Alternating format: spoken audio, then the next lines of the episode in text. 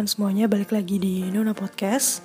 Dan di episode kali ini mau sharing pengalaman naik transportasi umum di Jakarta. Kali ini sedikit lebih spesifik karena ingin lebih banyak sharing soal Jakarta dan juga masa transisi juga dari anak daerah menjadi anak rantau. Kali ini mau ngebahas dulu soal naik transportasi umum yaitu ada Transjakarta atau yang biasa disebut busway. Mungkin bertahap ya, ada pengalaman-pengalaman seru dan menyenangkan sejauh ini baik dari Transjakarta dan juga MRT dan juga ada ojol. Ojol ini sebenarnya memang udah umum banget ya karena udah menyebar ke beberapa wilayah di Indonesia tapi kita tinggalkan dulu MRT dan ojol. Kali ini pengen banget ngebahas Transjakarta. Ini bener-bener kocak sih menurutku ya. Karena sebagai anak daerah yang di daerahnya sendiri, yaitu di Magelang memang transportasi umum, angkotnya juga masih familiar sampai saat ini meskipun udah peminatnya udah bergeser lebih ke naik ojol ya ya tidak perlu disebutkan. Pokoknya ada dua nama besar ojol yang membuming di daerah asal dan juga becak yang masih familiar. Sedangkan di Jakarta ini udah bergeser ya mikrolet uh, apalagi metro mini ada kancil. Silakan cari aja di Google buat teman-teman pendengar mungkin yang belum familiar. Pokoknya yang paling banyak digandrungi adalah Transjakarta Nah pengalamanku soal naik Transjakarta ini memang awal-awalnya sangat-sangat bingung. Karena apa? Ada kalau nggak salah kita sambil cross check ya. Ada 13 koridor. Coba kita buka dulu. Ada 13 koridor itu tuh hampir seluruh wilayah Jakarta dan juga nyambung juga sampai Ciputat bahkan ya. Ada juga Trans Jabodetabek. Itu kayak terintegrasi sampai Depok pun juga ada nyampe Bogor juga ada nyampe Tangsel bahkan Bintaro dan juga ada ke BSD juga ada. Uh, trayeknya sendiri PP nih jadi ada 13 koridor kalau nggak salah. Dari koridor 1 sampai ntar kita cek nih biar nggak salah ya Iya benar sampai 13 1 sampai 13 Nah ini tuh yang benar-benar pusing banget baca petanya. Jadi awal-awal aku juga baru banget pindah ke sini Memang berangan-angan gitu pengen ah naik Transjakarta deh biar pengen tahu juga sekalian lihat-lihat kan kondisi apa tempat-tempat dan situasi di sini tuh kayak apa sih? Karena juga dibilangin murah hanya 3.500 sudah bisa keliling Jakarta. Wow, aku cukup tergiur tuh dengan iming-iming dari orang tua, spesifiknya papa yang sudah lebih lama tinggal di sini. Jadi selama sebulan, eh, jalan dua bulan sudah merasakan suka dukanya naik Transjakarta. Ini lebih sering naik karena juga memang harganya murah terjangkau itu jelas. Nanti dia akan dibahas ke benefitnya. Tapi yang pertama ini mau nyeritain dulu bingungnya tuh kenapa? Kan tadi udah aku cerita di awal koridornya banyak banget. Pusing baca petanya. Jadi misalnya dari stasiun pertama itu kalau di Jakarta Selatan itu ada Lebak Bulus itu center pointnya Nah dari Lebak Bulus itu macam-macam tuh ada yang ke Kampung Rambutan, ada yang ke Senen, ada yang ke Harmoni, ada yang ke Ciputat. Pokoknya ada beberapa trayek busway-nya itu yang aku juga belum hafal-hafal banget. Hanya yang aku tahu ada dua koridor 8 itu sampai Harmoni.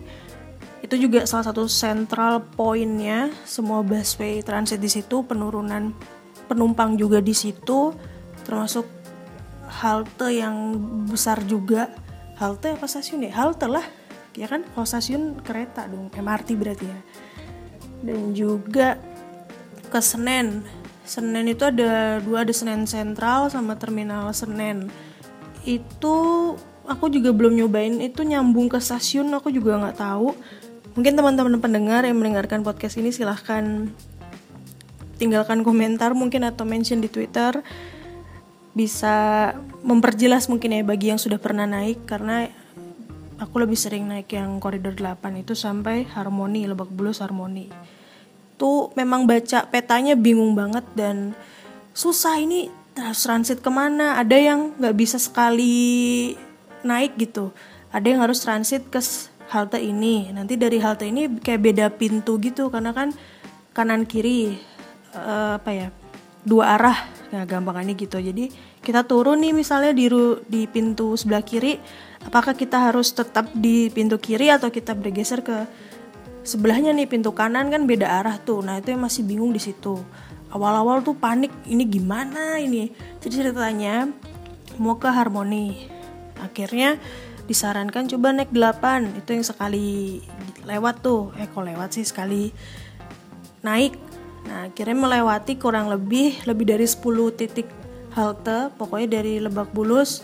Akhirnya paling terakhir sebelum ke Harmoni itu ada Rumah Sakit Sumber Waras.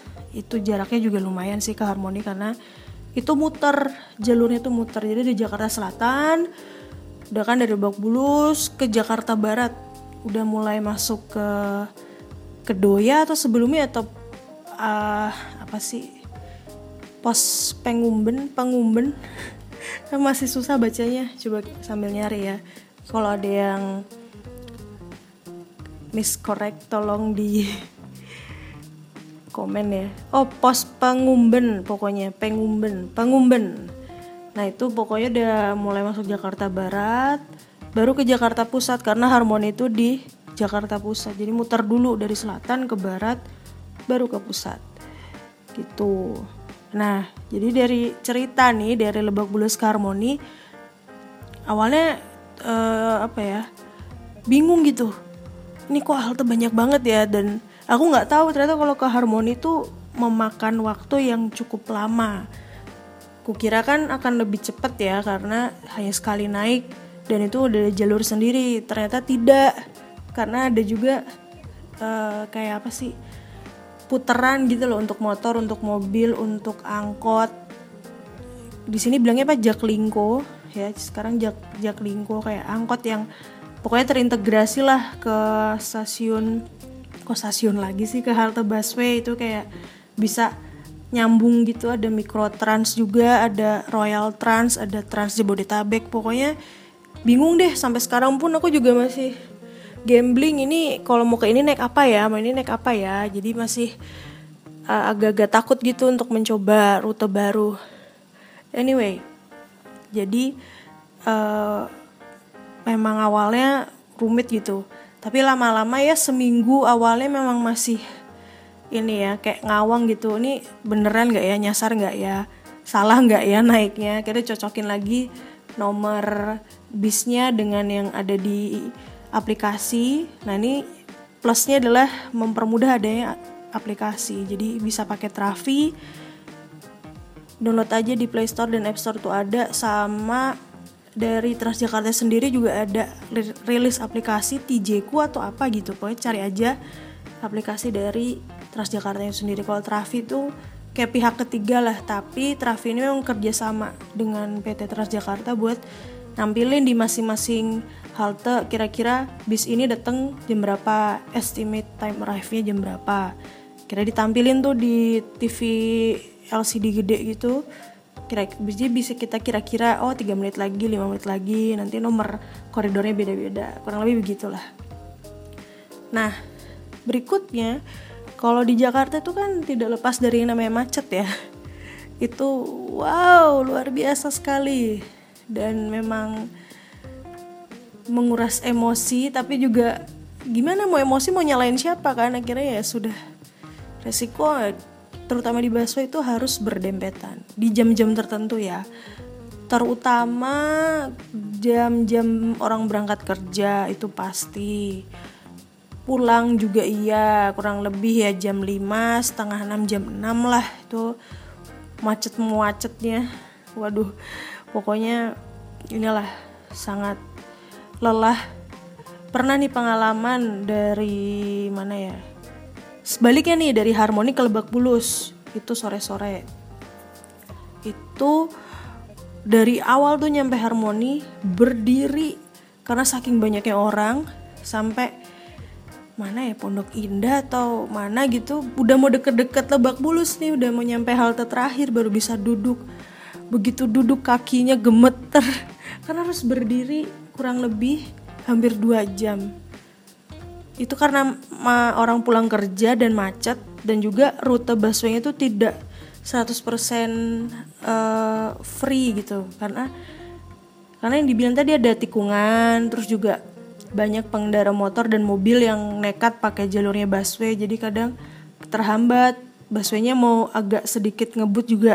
Gimana ada kendaraan di depannya yang bukan yang yang bukan diperuntukkan untuk jalan itu loh. Jadi kalau mobil lewat motor ada juga buka, kadang ojol-ojol tuh nekat lewat gitu gitulah jadi yang jadi hambatan sih itu. Dan juga macetnya tuh bukan main sih apalagi kalau busway-nya mau nyebrang nih. Sementara juga kayak saingan gitu loh dengan mobil pribadi dengan motor jadinya yang harusnya udah ijo nih bisa bisa maju jadi nggak bisa karena banyak yang nyerobot. Ya namanya Jakarta ya. Jadi awalnya memang agak stres juga tuh. Ya ampun kapan nyampe nya gitu kan udah capek. Udah berdiri udah yang ah sudah tidak bisa dideskripsikan lah capeknya. Ini kakinya sampai gemeter. Udah udah nggak mood mau duduk dah tuntasin berdiri lagi. Cuman duduk bentar berdiri lagi udahlah paling 10-15 menit lagi nyampe. Ternyata tidak. Setengah jam itu udah kok nggak sini pondok indah deh. Dan juga padatnya di Pondok Indah itu yang aku lewatin nih kalau cerita koridor 8 nih Lebak Bulus Harmoni. Contohnya yang yang sering aku naikin. Nah itu di Pondok Indah apalagi tuh. Mall kan ada dua ya. PIM 1 PIM 2 kanan kiri pula. Macetnya ya ampun. Itu tuh ah pokoknya kesel deh apalagi kalau udah pas dapat bisnya itu harus berdiri. Ya ampun ini nggak jalan-jalan. Akhirnya kayak kakinya tuh udah pegel satu digoyang-goyangin lagi. Yang sebelahnya pun juga sama. Jadi kayak ganti-gantian ya ampun pegel banget. Sering banget kejadian kayak gitu. Jadi kayak kalau sekarang sih udah ya udahlah udah terbiasa ya kadang. Kadang yang nyender kalau dapet tempat yang bisa buat nyender yang nyender tapi kalau di tengah-tengah kanan kiri depan belakang ada orang tuh kayak aduh nggak bisa gerak udah nggak bisa pegang handphone. Bahkan mau angkat telepon pun juga susah. Ruang geraknya terbatas. Wah gila sih. Itu udah bikin melatih kesabaran menghadapi ibu kota yang wow. Pokoknya gitulah. Dan juga poinnya yang aku sangat-sangat bersyukur kalau naik busway sampai saat ini ya tidak menjumpai orang yang bau badan. Wah aku seneng banget. Dan juga nggak tahu ya meskipun dempet-dempetan tuh tetap kerasa nyaman aja. Karena selain AC-nya juga dingin ya busway tuh AC dingin banget daripada AC di supermarket kali ya menurut gue dingin banget dan nyaman lah. Intinya dengan tidak menjumpai orang-orang yang maaf ya agak bau badan gitu kan. Jadinya nggak terlalu makin jengkel udah ngadepin macet gitu kan.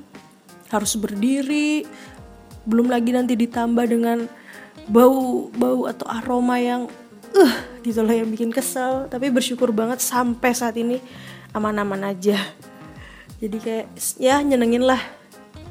Selain juga murah juga bisa keliling Jakarta kasarnya begitu ya dan juga dapat apa ya pelayanan yang Sejauh ini petugasnya baik-baik sih pramudinya. Pramudi itu sebutan yang mengendarai busway-nya. Pramudinya juga uh, inilah nyantai-nyantai ya meskipun ada yang bawanya ugal-ugalan tapi ya ya begitulah lah ya. tapi nggak apa-apa yang penting masih ada nilai plusnya ya masih bisa apa ya kurasakan lah sebagai pendatang tuh yang bener-bener dilayani. Bener kalau aku tanya misalnya mau ke ini tempat A gitu. Nanti dijelasin sangat jelas dan juga nggak apa ya nggak bikin bingung. Pokoknya cuma diarahin nanti turun sini misalnya. Naik ini nih mbak misalnya naik ini. Nanti turun. Nah mbak jangan ini langsung ke pintu pintu pintunya berabjad gitu pintu D misalnya nah nanti dari pintu D ada koridor ini lewat ya udah gitu. Nanti turun ini.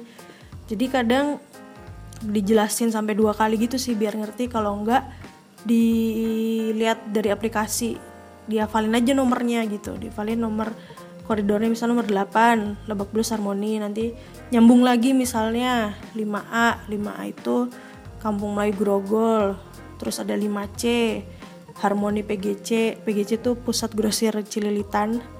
Itu ada mallnya ya pusat grosir lah ya ada mallnya juga gitu gitulah contohnya sih gitu. Jadi petugasnya juga baik-baik sih dan ramah suka aja gitu. Dan apa sih uh, selain benefitnya tadi kan aku sebutin tuh yang aku ulang-ulang ya murah AC-nya dingin gitu-gitu kan nah yang paling kentara banget yang paling aku rasain itu tuh bisa buat nyolong-nyolong tidur terutama pas berangkatnya. Misalnya dari berangkat pagi kan dari Lebak Bulus Harmoni gitu. Itu kan yang aku udah ini riset sendiri ya selama sebulan setengah ini. Nggak aku timer tapi dikira-kira lah uh, kalau memang berangkatnya kurang dari jam 6 itu udah nyampe harmoni itu jam 7 itu misalnya. Dan juga uh, apa kadang kalau lagi nggak tahu ya kadang random banget sih bisa dapetnya yang cepet banget. Ada juga yang bisa sampai satu jam 15 menit 75 menit lah. Ada tapi tidak lebih dari satu setengah jam. Itu tidak kalau mau berangkat dari jam lebih dari jam 6 atau kurang dari jam 6 lah patokannya itu. Soalnya rata-rata hasil riset sendiri ya karyawan di ibu kota itu memang berangkat berangkat ya entah dari rumah atau pokoknya dari mana pun lah sampai menuju halte Lebak Bulus itu. Kita ambil contohnya itu tuh jam 6 kurang udah rame lebih dari jam 6 apalagi banyak banget orangnya. Karena kan rata-rata masuk kantor jam setengah 8 jam 8 jadi ngejar pemberangkatan yang paling pagi. Nah sedangkan Transjakarta itu udah berangkat dari jam 5 pagi by the way. Jadi informasi mungkin buat teman-teman pendengar yang akan mungkin mencoba merantau atau ada panggilan kerja di sini atau memang belum pernah naik itu Transjakarta jam 5 pagi sampai jam 7 hanya bayar 2000 rupiah. Sedangkan jam 7 pagi sampai besokannya jam 5 pagi juga itu membayar 3500 gitu. Jadi awalnya juga aku nggak tahu ya lah kayaknya 3500 terus tapi kadang aku juga penasaran lihat oh 2000 jadi kayak awalnya nggak ngerti karena saldonya loh kan dicocokin kan kok jumlahnya kok masih agak ada lebih ternyata oh 2000 itu untuk yang jam 5 sampai jam 7 karena aku lihat di papan pengumumannya dan tertulis begitu. Nah balik lagi benefitnya nih jadiin macetnya Jakarta buat nyolong-nyolong tidur. Nah ini karena yang bilang karena berangkatnya tuh hampir satu setengah jam kadang aku bisa tidur tuh karena aku juga orangnya pelor nempel molor kalau bangun pagi kan pagi banget bahkan. Kayak masih ada rasa-rasa ngantuk gitu padahal udah mandi juga kan. Paginya udah mandi udah uh, inilah tersegarkan. Ya meskipun tidak segar-segar sekali bisa nyolong tidur meskipun setengah jam atau satu jam karena kan mata juga harus awas kan. Soalnya juga uh, melihat setiap halte mungkin ada penumpang prioritas atau lebih lebih ke situ sih penumpang prioritas atau memang yang yang di serve kursi kursinya. Kadang kan harus ini ya kesadaran sebagai penumpang. Nah jadi dikasihlah tempat misalnya gitu kan. Kadang juga nggak bisa sepenuhnya pulas tuh juga nggak bisa. Jadi bisa sampai halte mana takutnya kebablasan. Jadi melek oh baru nyampe sini merem lagi. Nanti tidur lagi nggak aku timer. Cuman kayak udah soalnya kalau lihat jam oh jam gini oh jam gini. Jadi sesekali lihat jam jam tangan kan. Ini jam berapa ya sekarang ya? Gitu. Jadi apa ya menikmati macetnya Jakarta menurutku lah sebagai berkah untuk tidur. Nggak tahu karena memang jam tidurnya kurang dan juga berangkat tuh pagi banget. Jadi ya dimanfaatkan untuk tidur apalagi karena juga jam 6 pagi udah di bis apa yang bisa dilakukan mas? Aku juga bukan tipe orang yang harus selalu pegang gadget apa-apa menyibukkan diri dengan bermain handphone scroll scroll home screen yang ah gitu deh pokoknya. Kalau nggak ada yang penting banget kalau nggak ada yang harus dikerjakan di bis misalnya melalui handphone entah balas email entah harus upload apa atau apa ya nggak lebih baik aku nggak buka. Kadang buat tidur aja atau kalau memang lagi nggak ngantuk nih lagi moodnya lagi oke okay, gitu kan. Ya udah uh, lihat-lihat. Sambil juga tahu bangunan oh kantor ini di sini. Misalnya kayak kantor oh HQ-nya Gojek. Kalau enggak mall ini ada di sini. Oh ya ini ternyata ngelewatin ya kayak gitu. Jadi sambil menghafalkan jalan juga gitu. Nah um, apalagi ya? Oh ini nih yang baru juga uh, ngetren ya atau mungkin jadi perdebatan juga antara netizen. Tapi kali ini aku tidak tidak ingin mengkulik banyak soalnya hanya pengen ngasih apa ya pendapat aja sebagai salah satu pengguna aktif Transjakarta. Kan di berita nih ada juga ada juga maksudnya ada uh, press release gitu kalau petugas yang ada di masing-masing bis tuh apa namanya PLB aku nggak tahu singkatannya apa pokoknya uh, petugas dalam bus lah yang kayak udah ngingetin bentar lagi nyampe sini. Tapi di dalam itu loh pokoknya ya ngerti lah gimana jelasinnya. Jadi petugas misalnya kita dalam satu bis itu ada satu orang yang tugasnya uh, kasih reminder. Misalnya udah mau deket nih ya pemberitaan selanjutnya stasiun Harmoni ya gitu hmm, pokoknya cek barang jangan sampai ada yang tertinggal bla bla bla bla bla bla gitulah.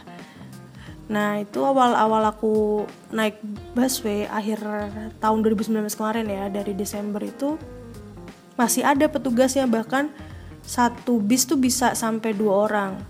Karena kan yang busway itu ada yang satu bis tuh satu pintu ada yang dua pintu ada yang tiga pintu yang bisnya panjang. Jadi tiga pintu tuh yang keluaran lama setauku. Jadi bisa sampai maksimal dua orang lah dalam satu bisnya.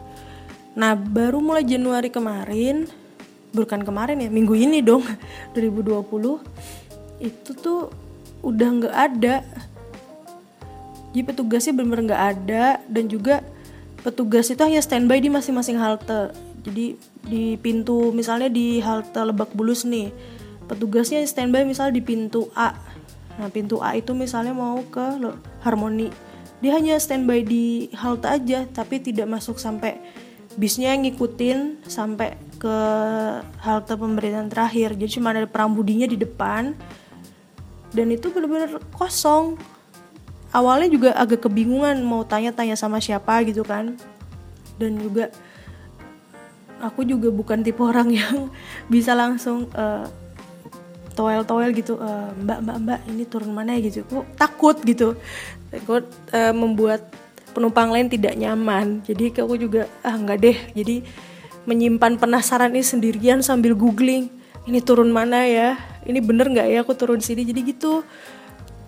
Dan kendalanya awal di situ kayak menyayangkan banget petugas uh, pemandu gitu yang dalam bisnya kok nggak ada atau dikurangi. Aku juga ngerti akhirnya coba-coba baca di beberapa koran gitu kan artikel online gitu memang ternyata bener ada pengurangan itu. Juga detailnya aku juga nggak tahu kenapa sih cuman membaca headline headline kok dikurangin ya? Apa anggaran atau apa? Nah setelah aku kulik-kulik lagi ada nih netizen yang mention ke PT Transjakarta ditanya kenapa sih Min petugas dalam bisnya kok udah nggak ada? Alasannya mereka adalah ingin melatih sedang melatih bahasanya kayak coach aja ya ingin melatih penumpang Transjakarta gitu untuk bisa apa ya mandiri lah istilahnya dan juga memberikan kesadaran kepada para penumpang itu terutama ya yang masih jadi perhatian tuh pemberian kursi prioritas. Nah itu dia. Dan juga uh, apa ya membangun kesadaran sendiri sih. Intinya bisa dilihat ada di twitternya PT Transjakarta ada yang udah pernah nanya lah. Belum lama ini entah sehari atau dua hari yang lalu ini rekaman tanggal 9 ya. Jadi kurang lebih dua atau tiga hari yang lalu pokoknya dalam minggu ini masih ada yang masih ada ada yang udah tanya kenapa sih dikurangin? Petugasnya cuma standby di halte-haltenya kadang kadang kan sebagai penumpang juga bingung.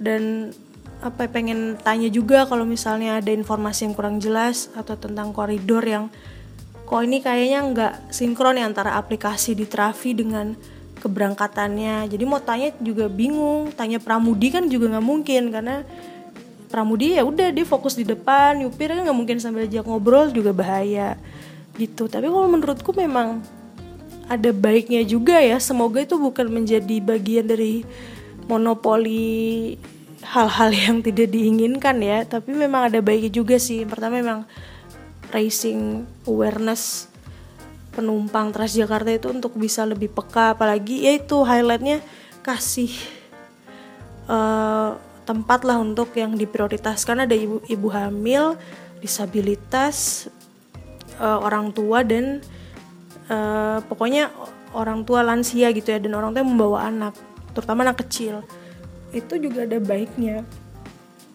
Ada poin plusnya sih sebenarnya dan juga uh, apa ya di tahun 2020 lah. Mungkin penumpang bisa lebih mandiri dan juga ya bisa inilah udah makin cerdas gitu harapannya begitu ya.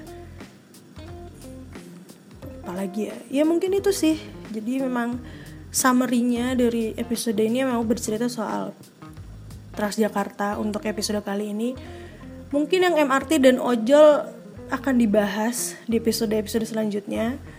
Uh, mungkin teman-teman yang pengen tahu tata cara naiknya atau pengalamannya bukan mengguru ya again tentang Transjakarta ini bukan yang sok-sok mau pamer atau apa enggak tapi memang berbagi pengalaman karena memang ah, seru aja gitu dan asik kalau misalnya dibagikan pengalamannya secara juga apa ya survive di Jakarta nih meskipun belum sampai setahun itu tuh udah ada warnanya sendiri udah ada ceritanya sendiri meskipun baru sebulan lebih.